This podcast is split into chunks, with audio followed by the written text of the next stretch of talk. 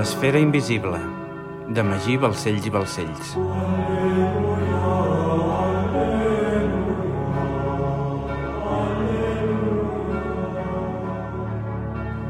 Capítol 25. Efectes de la música. Dissabte, 16 de juliol de 1306. Illa Roja, més enllà de la gran província de Ponent. Era un dia extremadament calorós i assolellat, que convidava a banyar-se a les fredes aigües de l'Atlàntic Nord. Mentre a Europa tothom els creia morts, Guillem, Maria i el petit Guillem es sentien més vius que mai i els semblava estar vivint uns moments idíl·lics i inoblidables. Maria i el nen s'estaven remullant els peus a la platja per apaivagar aquella pesada calor, mentre Guillem i el Suprem llegien una missiva enviada pel gran mestre Jacques de Molay. Feia dos anys que Guillem vivia ple de felicitat amb la seva família i sentia que aquells estaven sent els millors moments de la seva vida. En aquell racó del nord-est del continent, allunyat del gruix de la gent que habitava la gran província de Ponent, podien viure amb calma i tranquil·litat com si estiguessin al paradís – exceptuant un cos de guàrdia de 30 homes i el Suprem, estaven completament sols. No hi havia ningú habitant en 30 quilòmetres a la rodona, ni homes del temple, ni autòctons del continent. Ningú.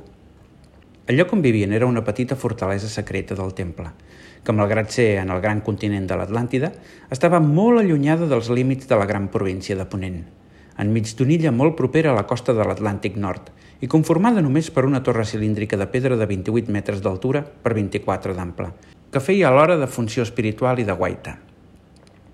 Maria i el nen havien passat els últims cinc anys treballant en les immenses cuines de la comanda de Patan, destinades a alimentar a més de 5.000 homes que es passaven el dia sencer arrencant les menes de plata de la mina. Cinc anys llarguíssims i molt durs per tots dos. Per fortuna, des que va arribar Guillem, la seva situació havia canviat de la nit al dia – Havien deixat d'explotar-los i poques setmanes després havien abandonat definitivament aquell lloc per dirigir-se a un dels enclavaments templers més remots i secrets de la germandat, el baluar de l'Illa Roja. Semblava que Maria, Guillem i el nen havien recuperat tot el temps perdut. Tot el periple que havien hagut de passar havia quedat en l'oblit i tan sols es dedicaven a compartir cada moment com si fos l'últim. En aquell racó de món, allunyats dels convencionalismes d'Europa, podien viure el seu amor sense cap mena d'impediment. Uns dies després del retrobament a la comanda de Patan, quan l'eufòria de Guillem i la seva família es va relaxar, el Suprem va recordar a Guillem que tenia una missió a complir com a gran custodi i aquest, completament agraït, es va posar a disposició de les ordres del Suprem i del Gran Mestre. Veient el perill que comportava el fet que hi hagués homes de l'Església destrossant les proves de l'existència de l'Atlàntida i coneixent l'animadversió d'alguns sectors de l'Església de Roma contra l'ordre del Temple per les seves negatives a entregar o revelar la localització del tresor trobat sota la cúpula de la roca, era de vital importància evacuar el tresor a un lloc segur, un lloc tan remot que fos impossible de localitzar pels homes de la Santa Seu. L'Església sempre havia sospitat, amb encert, que el tresor del temple estaria guardat en alguna comanda de la gran província de Ponent, així que calia procedir de forma immediata. El Suprem va explicar a Guillem que havien d'actuar amb rapidesa perquè les coses a Europa s'estaven accelerant en contra dels seus interessos. Per un cantó, era evident que la Santa Seu havia enviat homes a la gran província de Ponent. I per l'altre, s'estava produint un conclave que, en funció de qui sortís elegit, precipitaria la guerra de l'Església contra el Temple, qui s'havia separat tant de la doctrina de Roma i havia aconseguit tant poder que amenaçava els seus fonaments. Calia evacuar el tresor abans que els homes de l'Església arribessin. Així que, Passades només unes setmanes des del retrobament, el Suprem va conduir a Guillem fins al temple erigit enmig de la comanda de Patan i van entrar disposats a complir amb la seva sagrada missió. Un cop van tenir el tresor a les seves mans, van abandonar Patan de forma secreta en la calma de la nit, acompanyats d'un cos de guàrdia de 30 homes i juntament amb Maria i el nen, rum al baluar secret de l'illa Roja. Aquella nit, mentre caminaven sota les estrelles, Maria es va donar que l'aspecte de Guillem era completament diferent. Els seus ulls bicolors brillaven com mai. Tenia un aspecte immillorable, somreia, i tenia una expressió facial que desprenia felicitat. Semblava més jove, més sa i fins i tot més alt i musculat. Guillem es mostrava afectuós en extrem i no podia deixar d'abraçar Maria i el nen i dir-los que els estimava. Mirava a Maria als ulls i li deia «L'amor mou l'univers. L'amor és la força motriu de la felicitat i el progrés. Eh, què et passa, Guillem? va preguntar-li Maria, en veure'l en aquell estat d'èxtasi. Estàs bé? Eh, molt bé, amor meu. li deia Guillem, mirant-la fixament als ulls. L'he vist. He vist la taula de maragda. Des de que van sortir de Patan, van estar transitant per aquell immens continent durant mesos, sempre vers el nord-est, portant una vida nòmada que els obligava a parar constantment per proveir-se d'aliment. Caminaven durant hores i després paraven per menjar i descansar. Guillem aprofitava el moment per jugar amb el seu fill i fer-lo riure. Res li proporcionava tant plaer i felicitat com la mirada somrient del seu fill. Després de veure la taula de Maragda, estava convençut que no hi havia força més poderosa a l'univers que l'alegria i la felicitat. Guillem creia que la mirada feliç i innocent d'un infant era capaç de proporcionar l'energia suficient per fer moure una galàxia sencera. Cada dia sopaven junts, mentre Guillem ensenyava català al Suprem, qui tenia gran curiositat per totes les llengües vulgars, alhora que Maria i el nen parlaven i reien sense parar. Després, quan el petit queia dormit, el Suprem escrivia les seves coses aïllat del món i Maria i Guillem aprofitaven per fer-se l'amor sota la intensa pluja d'estrelles que cada nit es produïa en aquell continent, arraulits sota una manta i procurant no trencar el silenci. Havien de recuperar tot el temps perdut i fer tot l'amor que el temps i la distància els havia impedit. Cada cop que notaven el tacte de l'altre donaven gràcies a la providència per tal regal i sentien que podien tocar el cel amb la punta dels seus dits.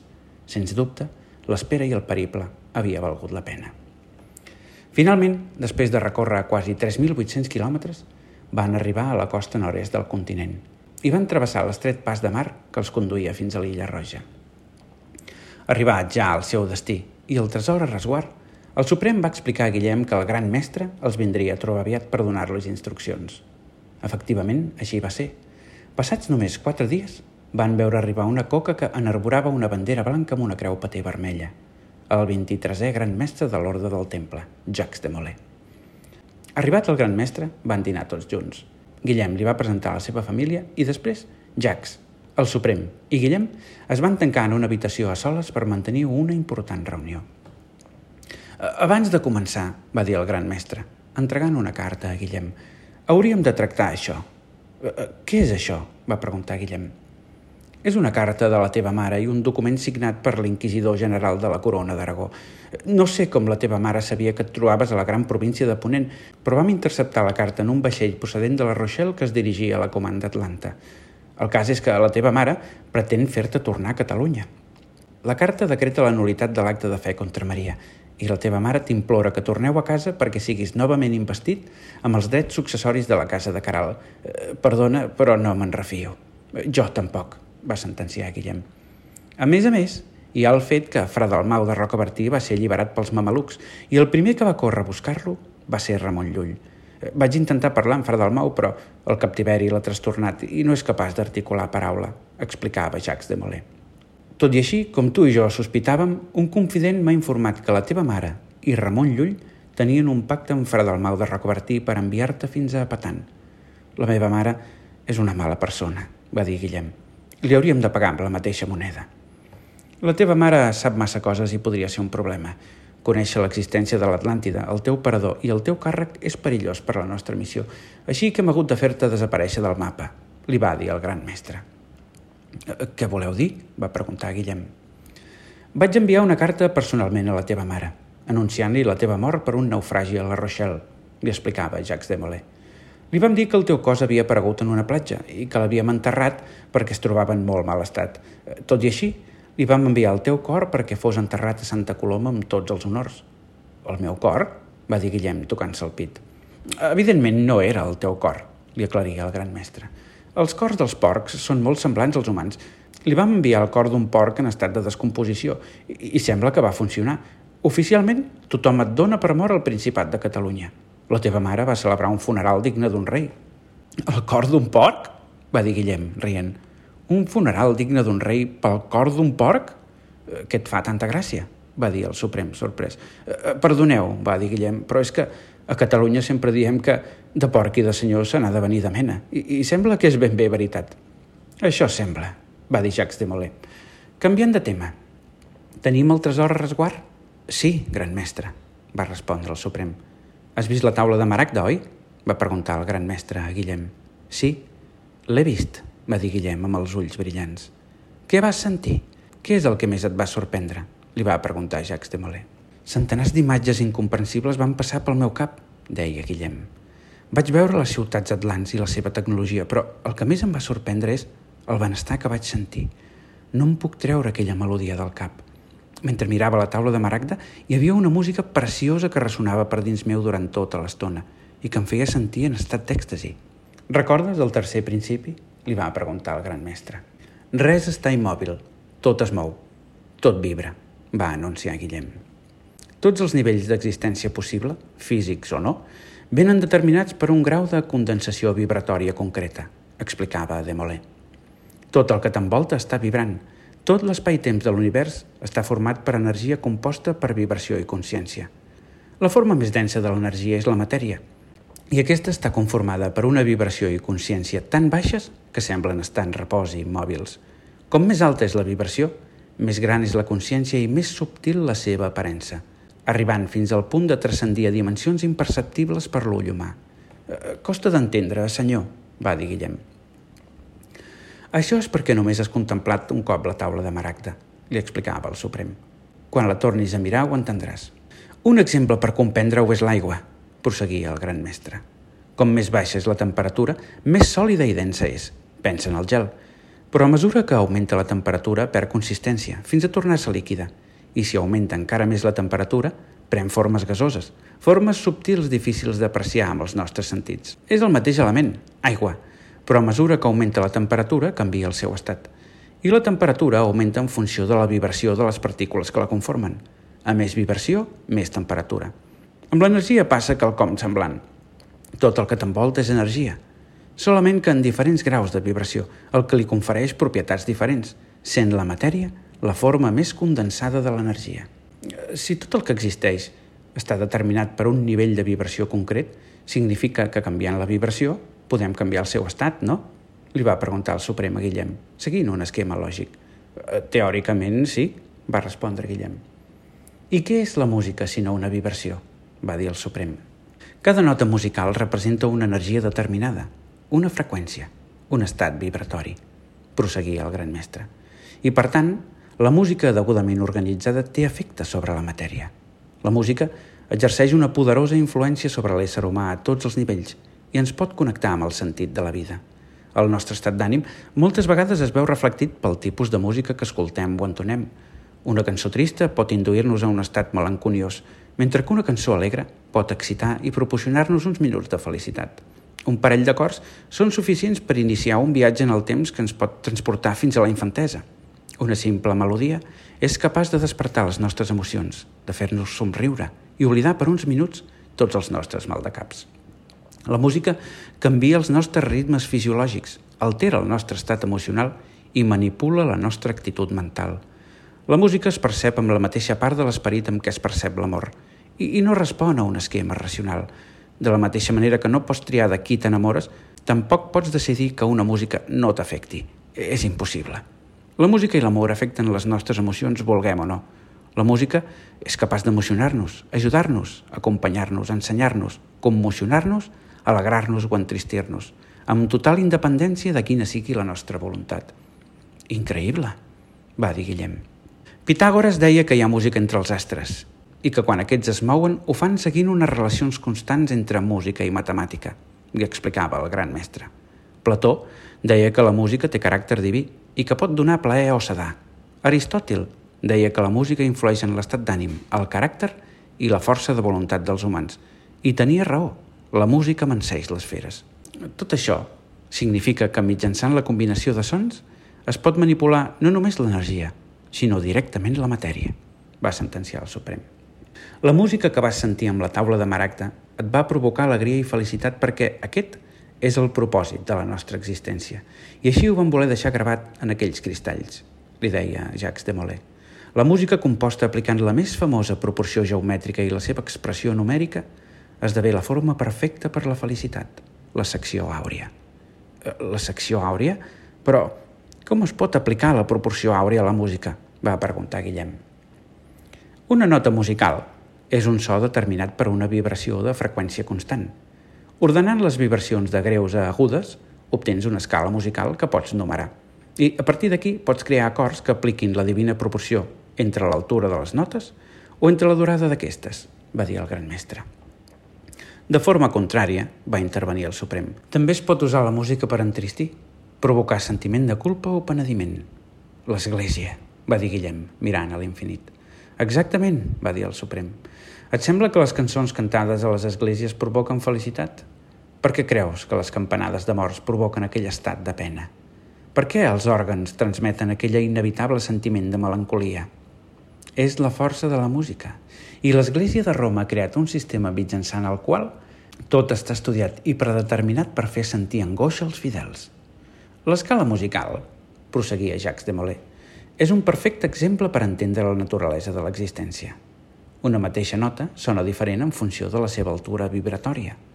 Totes les notes es doblen a si mateixes cada vuit notes. Do, re, mi, fa, sol, la, si i tornem a ser el do. Que si és la mateixa nota que la primera que he enumerat, sona diferent, doncs la seva vibració és diferent. En l'univers tot segueix el mateix patró. Els nivells vibratoris es doblen a si mateixos cada vuit plans. Per això el vuit i l'octògon estan present en la nostra filosofia – L'evolució còsmica consisteix a ascendir tot aquest món des del nivell vibratori més feble, que està associat amb la matèria, fins al nivell vibratori més intens, que està associat amb el diví, l'apoteosi còsmica. I un cop arribat al cim, es torna a descendir, creant el cicle de l'eternitat, l'esfera invisible. Tot flueix i reflueix, tot té els seus períodes d'abans i retrocés, tot ascendeix i descendeix, tot es mou com un pèndol.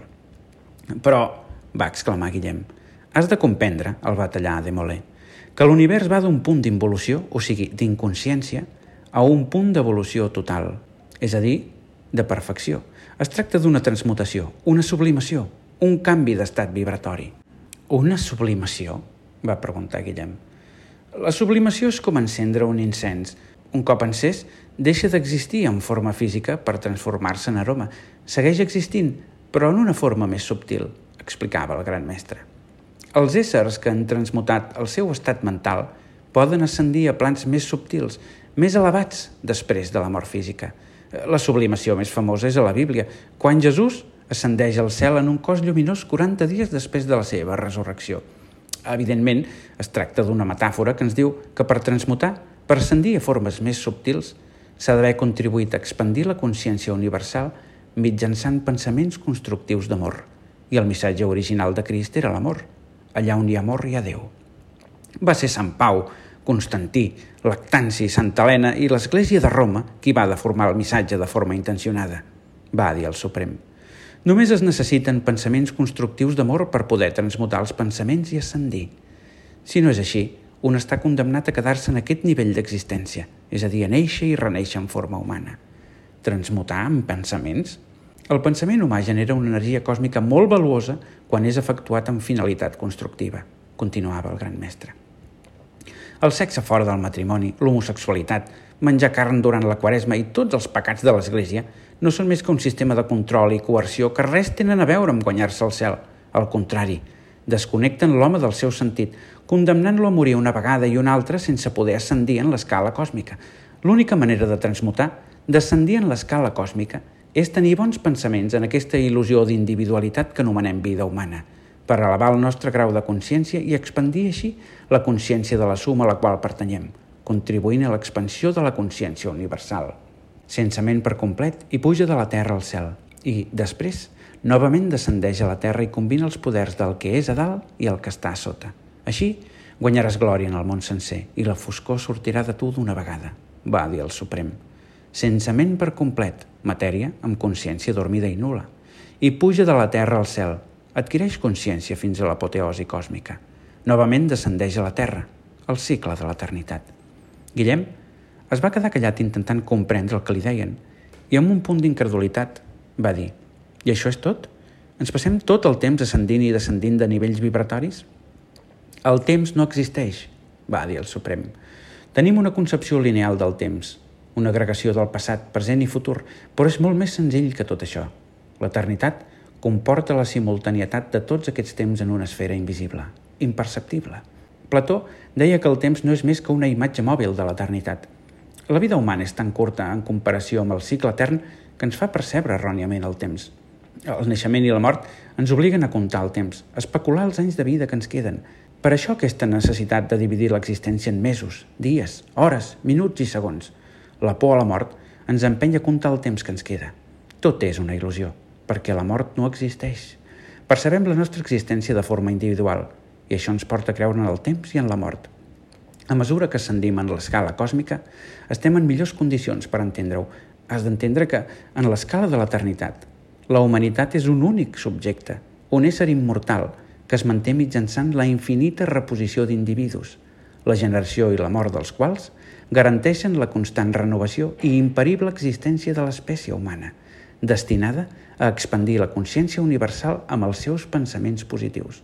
Aquest és l'objectiu de la vida a la Terra. Eh, Guillem, entenc que et costi de creure i de comprendre. Això és perquè no t'has exposat el temps suficient davant la taula de Maragda. Eh, nosaltres, en canvi, sí, va dir-li el gran mestre. No pateixis, tindràs temps per fer-ho. No obstant això, has demostrat ser una persona amb qui es pot confiar i necessitem les teves virtuts per amagar la taula de Maragda. Veient el que aquesta revela, no crec que hàgim d'amagar-la. Crec que l'hauria de veure tota la humanitat, va dir Guillem. Tant de bo, Guillem, va respondre el gran mestre. Però no tenim els mitjans per fer-ho mentre existeixi aquesta església. Fins al moment teníem l'excusa dels sants llocs per existir com a organització, però des de que s'han perdut que tots els reis d'Europa anhelen ser propietaris de l'orde, i els papes de bon grat hi haurien accedit si no fos perquè tenim la taula de Maragda. Si la perdéssim o ens la robés l'Església, quan creus que duraríem? Felip IV ens odia. Jaume II aspira a ser el nostre amo a qualsevol preu i la Santa Seu desitja destruir-nos. I si desitgen destruir-nos, per què no ho han fet? va preguntar Guillem. Nosaltres tenim la taula de Maragda i les catedrals s'han alçat seguint els preceptes extrets de la màgica taula, explicava el gran mestre. El problema és que la majoria de catedrals ja estan fetes o projectades arquitectònicament i per tant ja no ens necessiten. Des de la seva fundació, la nostra germandat tenia un pla per enriquir-se de forma suficient per crear un nou ordre dels segles basat en la veritat continguda en la taula de Maragda – la màgica taula conté la recepta per la segona creació del món, l'única esperança per la supervivència futura. D'ella n'hem extret les directrius per alçar el major temple que s'hagi erigit mai sobre els homes. Una xarxa de catedrals, temples connectats que, mitjançant la combinació entre arquitectura, llum i música, sanaria la humanitat dels seus mals, proporcionant-li la felicitat. El problema era que els temples no es podien alçar en qualsevol lloc. Només funcionarien sobre les fonts de poder – i els documents d'Horus que parlen d'aquests estan en mans de l'Església. Així ens vam aliar amb Roma perquè ens digués els punts exactes on construir, a canvi de proveir-los els coneixements arquitectònics per alçar les catedrals. La Santa Seu ens va reconèixer com a organització, ens va autoritzar a extreure plata de l'Atlàntida i ens va donar molt poder, un poder que no hem sabut administrar i que s'ha convertit en la nostra principal debilitat. Vam caure en el parany de l'Església, va afirmar el Suprem. Les fonts de poder estaven en mans de Roma des dels temps de Juli Cèsar i sobre aquests punts es van erigir els temples romans i després les esglésies cristianes. Roma ja tenia una xarxa d'esglésies connectades, però com que no usava l'arquitectura de la taula de Maragda, no aconseguia tot el potencial possible. Nosaltres els vam proveir els coneixements per reconstruir les catedrals, pensant que, un cop alçades i augmentat el nostre poder, ens podríem enfrontar contra l'Església per quedar-nos amb els temples i donar-los l'ús que permetria sanar la humanitat. I per què l'Església no els vol donar aquest ús? va preguntar ingenuament Guillem. La Santa Seu sempre ha estat en mans de les mateixes famílies, aquelles que governen la humanitat des dels temps de l'imperi romà, explicava el Suprem. I aquestes famílies estan més interessades en el seu benestar individual que en el bé de la humanitat. El seu poder de control s'esveiria si tothom conegués els secrets. Prefereixen mantenir-los ocults i regnar sobre les masses pel seu propi profit. La ignorància i la por els permeten governar sobre la multitud mitjançant la seva xarxa d'esglésies i no estan disposats a renunciar-hi. Mai vam entendre per què Roma ens va donar tant poder i independència financera, explicava Demolé. Però tampoc ens ho vam qüestionar, ja que creiem que havíem d'usar aquest poder per enriquir-nos fins a poder enfrontar-nos a l'Església. Gran error. Una trampa. En el nostre afany per créixer i dur a cap el nostre pla, vam prestar immenses quantitats de diners a les corones, sense pensar en el risc que això comportava. Roma té els mitjans necessaris com per fer entrar qualsevol regne en crisi sense que se'ls pugui atribuir la responsabilitat. Si Roma fa entrar en crisi els regnes que ens deuen gran quantitats de diners i aquests no els poden tornar, automàticament els templers ens convertim en el principal problema dels regnes en qüestió. La nostra fi és propera, perquè aquesta és la veritat. Tots els regnes ens deuen diners. La majoria de catedrals ja estan alçades. L'excusa de Terra Santa ha deixat d'existir. França està en crisi i tenim un nou papa francès. Un nou papa? va exclamar el Suprem, sorprès i impacient. Qui és? Es fa dir Climent V, va dir Jacques de Molay. Bertran de Got, l'arcabisbe de Bordeus. Bertran de Got, va dir el Suprem espantat. Hem de procedir com més aviat millor. L'Església és conscient que és només qüestió de temps declarar-nos la guerra, va sentenciar el gran mestre. Senzillament està esperant el moment oportú. La veritat ha de ser amagada fins que l'ordre tingui el poder suficient per poder revelar-la amb seguretat. I per consegüent, estem construint un lloc on la taula de maracte reposarà fins que aquest moment arribi. I aquí és on entres tu, Guillem. La teva missió és traslladar discretament la taula de maragda a un lloc on haurà de reposar durant segles, fins que estiguem preparats. Uh, I on és aquest lloc? va preguntar Guillem. Santa Maria de Belllloc, va dir el gran mestre. Com? No pot ser, va exclamar Guillem. I tant, si pot ser, va dir el gran mestre. És molta casualitat, va dir Guillem. És el meu poble natal. A més a més, mentre vaig estar mesos dormint després del naufragi, les paraules Belllloc es repetien una vegada i una altra en la meva ment. El germà petit de Maria s'apareixia i em deia Belllloc, Belllloc, Belllloc. Les casualitats no existeixen, Guillem, va dir el gran mestre. Les idees poderoses tenen vida pròpia i busquen materialitzar-se a tota costa. Es presenten en les ments de la gent idònia en forma de somni i busquen les circumstàncies adequades per esdevenir reals en el món físic. Res passa perquè sí. Quan arribeu a lloc ho entendreu millor. Després d'aquella reunió, el gran mestre va partir i els va deixar allà a l'espera fins que rebessin instruccions per procedir. Van passar quatre mesos, temps en el que es van estar preparant per la seva missió fins que van tenir notícies. En ple juliol, una carta del gran mestre va arribar, donant-los instruccions. Guillem i el Suprem la van llegir diverses vegades mentre Maria i el nen es banyaven al mar. La carta els combinava a esperar pacientment fins que veiessin arribar una embarcació que n'arborés un panó determinat. Sobre fons blanc, dos llops negres passants amb un corder a la boca. Encara faltava temps per partir del baluart de l'Illa Roja, però la importància de la missió va posar Guillem en alerta. El cavaller Sagarreta se sentia nerviós i insegur, però després d'haver vist la taula de Maragda sabia molt bé com calmar el seu esperit per no deixar que naixés la por al fracàs. La música.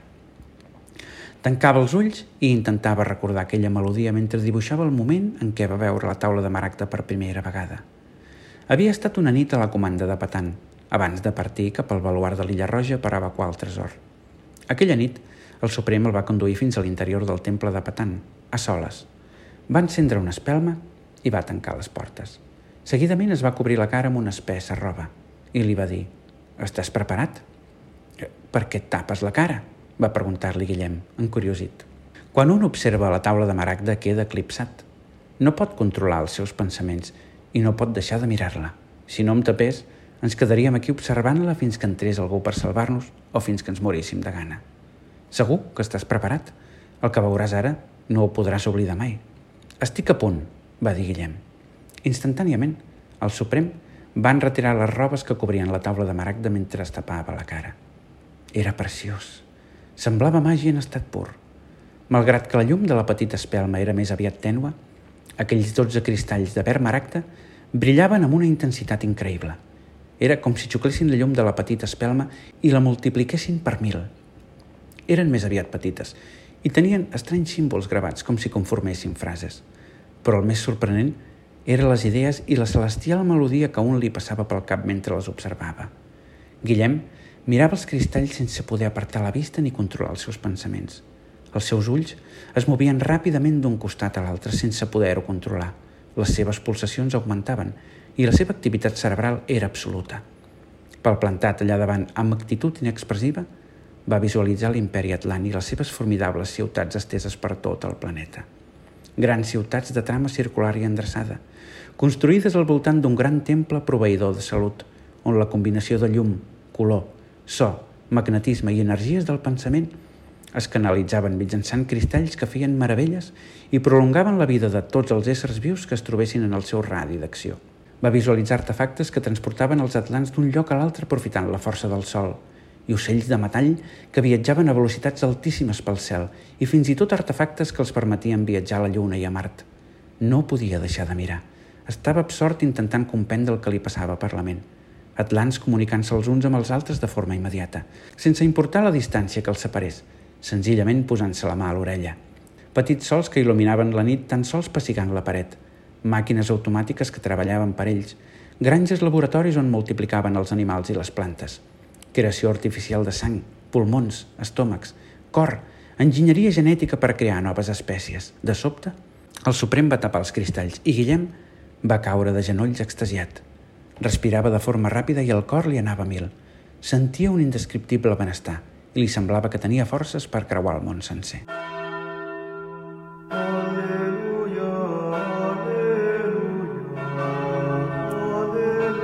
L'esfera invisible de Magí Balcells i Balcells. Aleluia.